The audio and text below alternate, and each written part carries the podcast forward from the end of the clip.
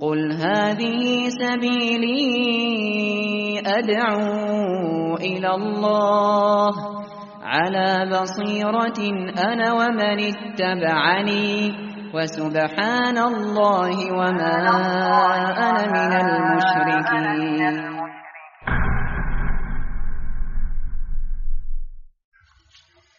الحمد لله الذي هدانا لهذا وما كنا لنهتدي لولا أن هدانا الله لقد جاءت رسول ربنا بالحق ونودوا أن تلكم الجنة أورثتموها بما كنتم تعملون أشهد أن لا إله إلا الله وحده لا شريك له وأشهد أن محمدا عبده ورسوله اللهم صلِّ وسلم على محمد وعلى آله وأصحابه ومن تبعهم بإحسان إلى يوم الدين.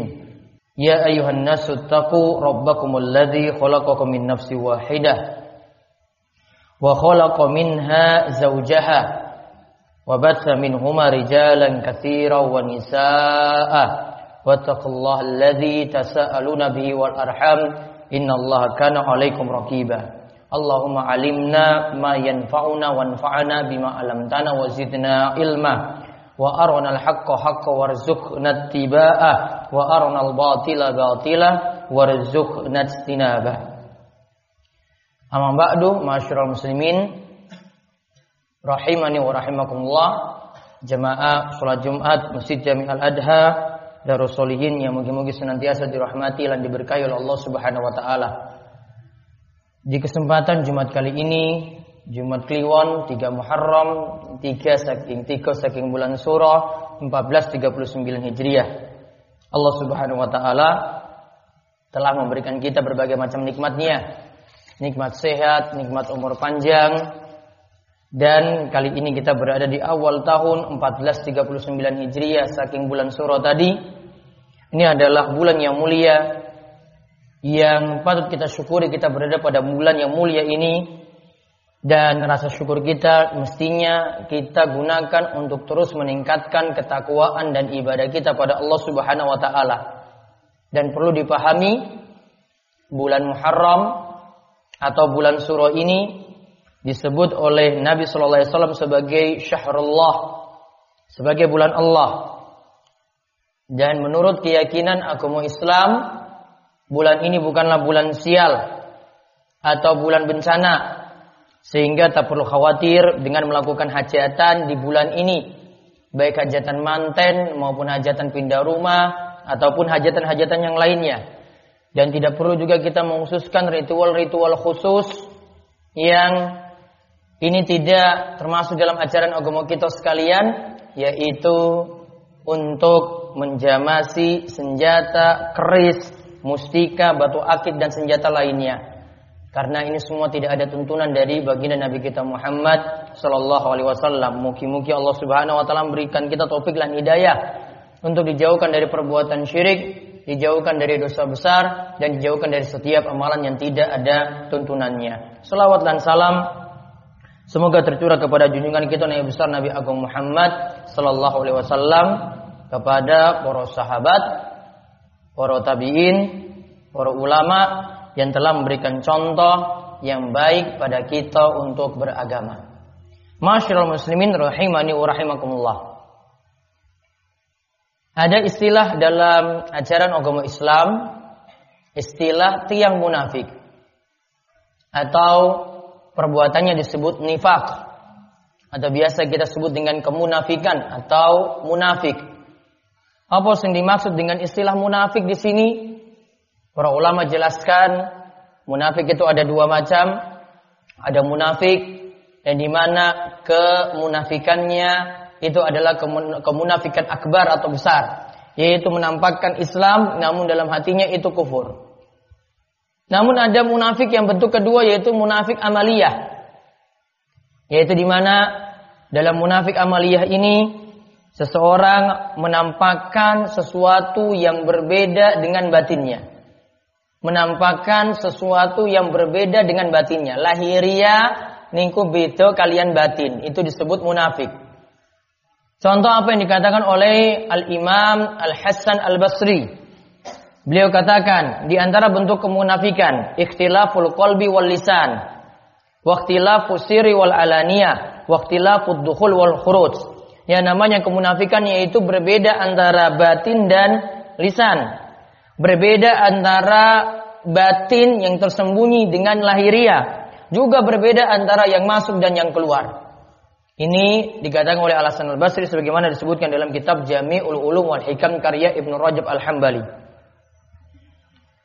Dan perlu kita pahami apa yang disebutkan oleh para ulama di masa silam seperti dari Uzaifah ibnu Yaman.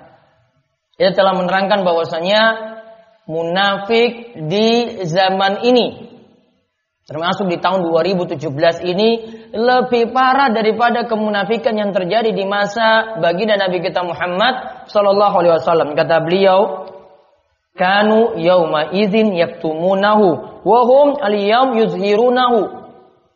Kata Uzaifah ibn Yaman, kemunafikan di masa silam itu benar-benar disembunyikan. Namun untuk zaman ini, di zaman canggih serba maju saat ini, yang namanya kemunafikan itu benar-benar ditampakkan. Bahkan orang senang dengan istilah munafik. Kalau zaman dulu benar-benar disembunyikan. Namun untuk saat ini yang namanya munafik itu malah ditampakkan. Orang senang dan ada yang bangga dengan kemunafikannya. Dan kali ini kita akan lihat beberapa tanda munafik yang kita ketemukan di zaman ini. Nantinya ada tujuh sifat munafik atau tanda munafik yang ditemukan di zaman ini. Yang pertama, tanda munafik juga disebutkan oleh Nabi SAW menjadi orang yang tidak amanah, ketika diberikan amanat dan menjadi orang yang tidak jujur. Tidak amanah dan tidak jujur itu adalah di antara tanda munafik. Kata Nabi SAW dalam hadis Abu Hurairah diriwayatkan oleh Imam Muslim, "Min alamatil munafiki salah satun." Di antara tanda munafik wonten tiga. Yaitu apa? Iza haddasa kadzaba wa iza wa'ada akhlafa wa iza tumina khan. Jika berbicara dia itu dusta, jika dia buat janji dia ingkari dan jika diberi amanat dia itu khianat. Maka tanda munafik yang disebutkan di sini diberikan amanat apa pun itu dia khianat. Kadang ada yang membawa kabur uang. Dititipkan uang menjadi bendahara tidak menjalankan dengan semestinya amanat yang diberikan. Nah tahu untuk urusan membuat janji dia tidak jujur.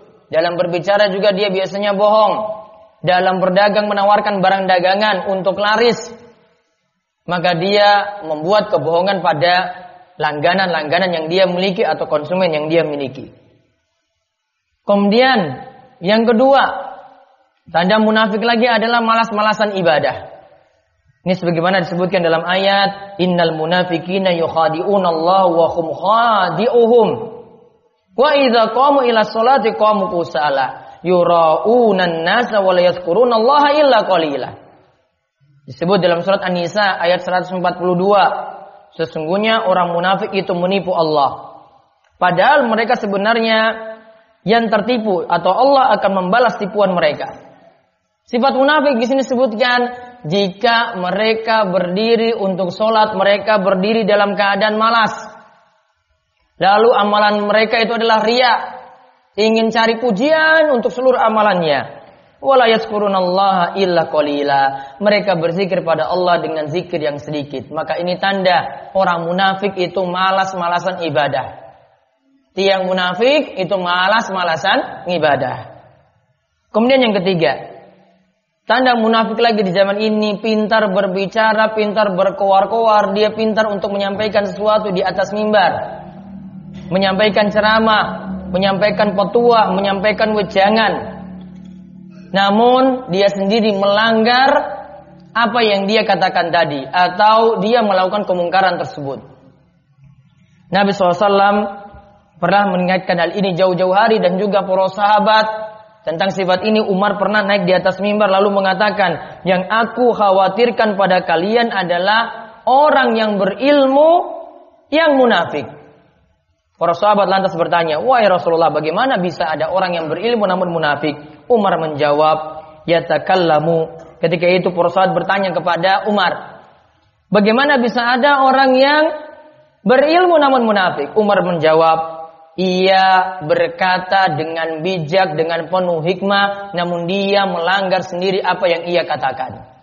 Dia berkata pintar ngomong, ngomongnya santun, ngomongnya bijak, ngomongnya berkoar-koar, pintar berorasi. Jadi seorang orator, namun dari sisi pengamalan nol dan dia melanggar apa yang dia itu utarakan. Kemudian yang keempat, di luar terlihat khusyuk, namun batin tidak khusyuk. Di luar itu kelihatan seperti orang yang soleh, namun batinnya tidak soleh. Di luar kelihatan orang yang konsen untuk menjalankan sholat, namun dalam batinnya itu tidak. Dikatakan oleh sebagian salaf, khusyu'un nifaki antarul jasada khasyian wal qalbu laysa bi khasyiin. Dikatakan oleh para ulama, khusyuknya tiang munafik itu jasadnya terlihat khusyuk, namun batinnya tidak khusyuk. Jasadnya, lahirianya khusyuk, namun batinnya itu tidak khusyuk. Kemudian tanda yang kelima, mengaku beriman namun tidak punya amalan sama sekali. Huzaifah pernah ditanya apa itu munafik. Sahabat Huzaifah itu pernah ditanya apa itu munafik. Kemudian Huzaifah menjawab, "Allazi yasiful iman wa la ya'malu bih." Allazi yasiful iman wala ya'malu yaitu orang yang ngaku beriman namun amalannya kosong blong. Mengaku sebagai seorang muslim namun tidak punya amalan sama sekali. Kemudian yang keenam, tanda munafik adalah lagi disebutkan oleh para ulama pria yang enggan sholat berjamaah di masjid. Pria yang enggan malas-malasan berjamaah di masjid. Ibnu Mas'ud mengatakan, yaitu para, sahabat mengatakan seperti ini pula. Aku telah melihat bahwa orang yang meninggalkan sholat berjamaah, mereka itu adalah munafik, di mana ia adalah munafik tulen. Dikatakan maklumun nifak, mereka itu adalah munafik tulen. Walaqad kana ar-rajul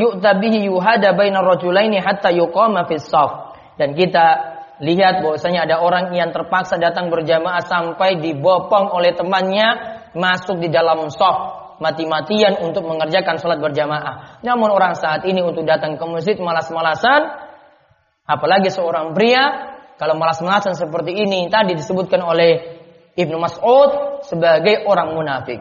Juga dikatakan oleh Ibrahim An-Nakhai, kafa ilaman ala nifaq ayakuna rajul jarul masjid la yurafi. Dikatakan oleh Ibrahim An-Nakhai, beliau menyatakan cukup seseorang disebut munafik ketika dia itu adalah tetangga masjid.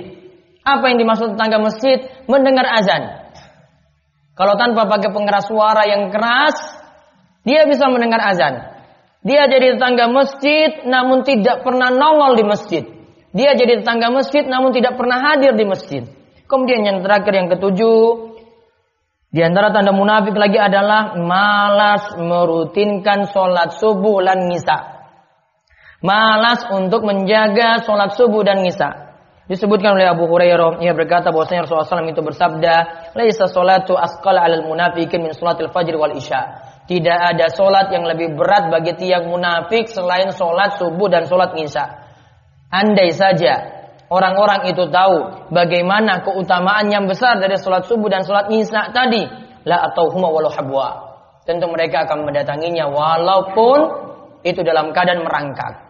Dikatakan juga oleh Abdullah bin Umar, kunna idza fakadna al-insan fi salat al-isya al-akhirah was subh astana bihi dzan. Ibnu Umar menyatakan, kalau kami itu melihat ada yang luput saking sholat nisa, tidak hadir sholat nisa dan tidak hadir sholat subuh, maka kami sudah suuzon pada orang itu. Kami sudah berprasangka jelek pada orang itu. Masa sholat subuh dan sholat nisa aja tidak hadir di masjid. Demikian khutbah pertama ini aku lu qauli hadza wastaghfirullah li wa lakum wa lisa'il muslimin innahu was-sami'ul alim.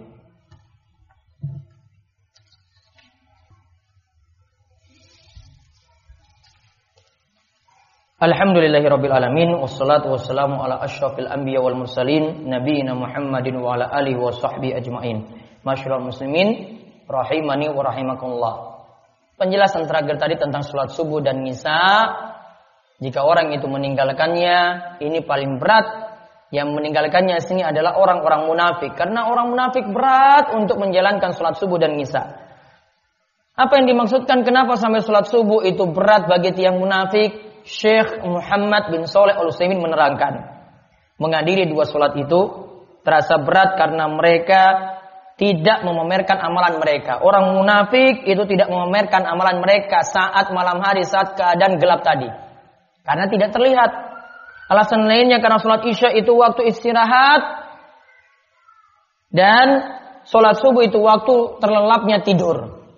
Karena kita butuh isyarat di waktu isya, maka malas-malasan. Di waktu subuh, malas untuk tangi, malas untuk bangun tidur. Makanya Nabi SAW itu katakan, inilah dua solat yang paling berat bagi tiang munafik. Maka kita bermohon pada Allah Subhanahu wa taala mungkin-mungkin kita terlindungi dari sifat kemunafikan. Dan Allah memberikan kita taufik dan hidayah pula untuk menjauhkan diri dari kesyirikan, dari perbuatan bid'ah dan juga dari dosa-dosa besar dan kita mohon pada Allah Subhanahu wa taala mungkin-mungkin warga wara diberikan taufik dan hidayah untuk dijauhkan dari sifat-sifat orang munafik diberikan hidayah dan taufik untuk menjaga sholat lima waktu, untuk hadir di masjid, memamurkan masjid-masjidnya, dan mudah-mudahan Allah memberikan keberkahan bagi kita sekalian. Di akhir khutbah ini, kami ingatkan untuk memperbanyak sholawat pada Nabi. Kata Nabi SAW, siapa yang bersalawat kepada beliau itu sekali, maka Allah akan membalas sholawatnya sebanyak sepuluh kali. Juga marilah kita berdoa pada Allah di akhir khutbah ini. Mugi-mugi kita diperkenankan setiap doa yang kita panjatkan berisi kebaikan-kebaikan karena di hari Jumat ini hari yang penuh berkah dan hari diijabahinya setiap doa. Inna Allah malaikatahu yusalluna ala nabi ya ayyuhalladzina amanu sallu alaihi wa sallimu taslima. Allahumma salli ala Muhammad wa ala ali Muhammad kama shallaita ala Ibrahim wa ala ali Ibrahim innaka Hamidun Majid. Allahumma barik ala Muhammad wa ala ali Muhammad kama barakta ala Ibrahim wa ala ali Ibrahim innaka Hamidun Majid. Marilah kita panjatkan doa pada Allah, mugi-mugi doa kita diperkenankan. Allahumma lil muslimina wal muslimat wal mu'minina wal mu'minat. Al ahya'i minhu wal amwat. Innaka sami'un qaribun mujibud da'wat. Allahumma qsim lana min khasyatika ma yahulu bainana wa baina ma'asik. Wa min ta'atika ma tuballighuna bi jannatak. Wa min al-yaqini ma tuhawwinu bi alaina musibatina dunya wa matina bi asma'ina wa absarina wa quwwatina ma ahyaitana waj'alhu warisa minna waj'al sa'rona ala man zalamana wansurna ala man adana wala taj'al musibatana fi dinina wala taj'al dunya akbar hammina wala mablagha ilmina wala tusallit alaina man la yarhamuna. Allahumma inna nas'aluka al-huda wat tuqa wal afaf wal ghina Allahumma ahsin akibatana fil umuri kulliha wa min khizyid dunya wa adzabil akhirah. Rabbana atina fid dunya hasanah wa fil fil akhirati hasanah wa qina adzabannar. Wassallallahu ala nabiyyina Muhammad wa ala wa sahbihi wa man tabi'ahum bi ihsanin ila yaumiddin wa akhiru da'wana anil hamdulillahi rabbil alamin. Aqimus shalah.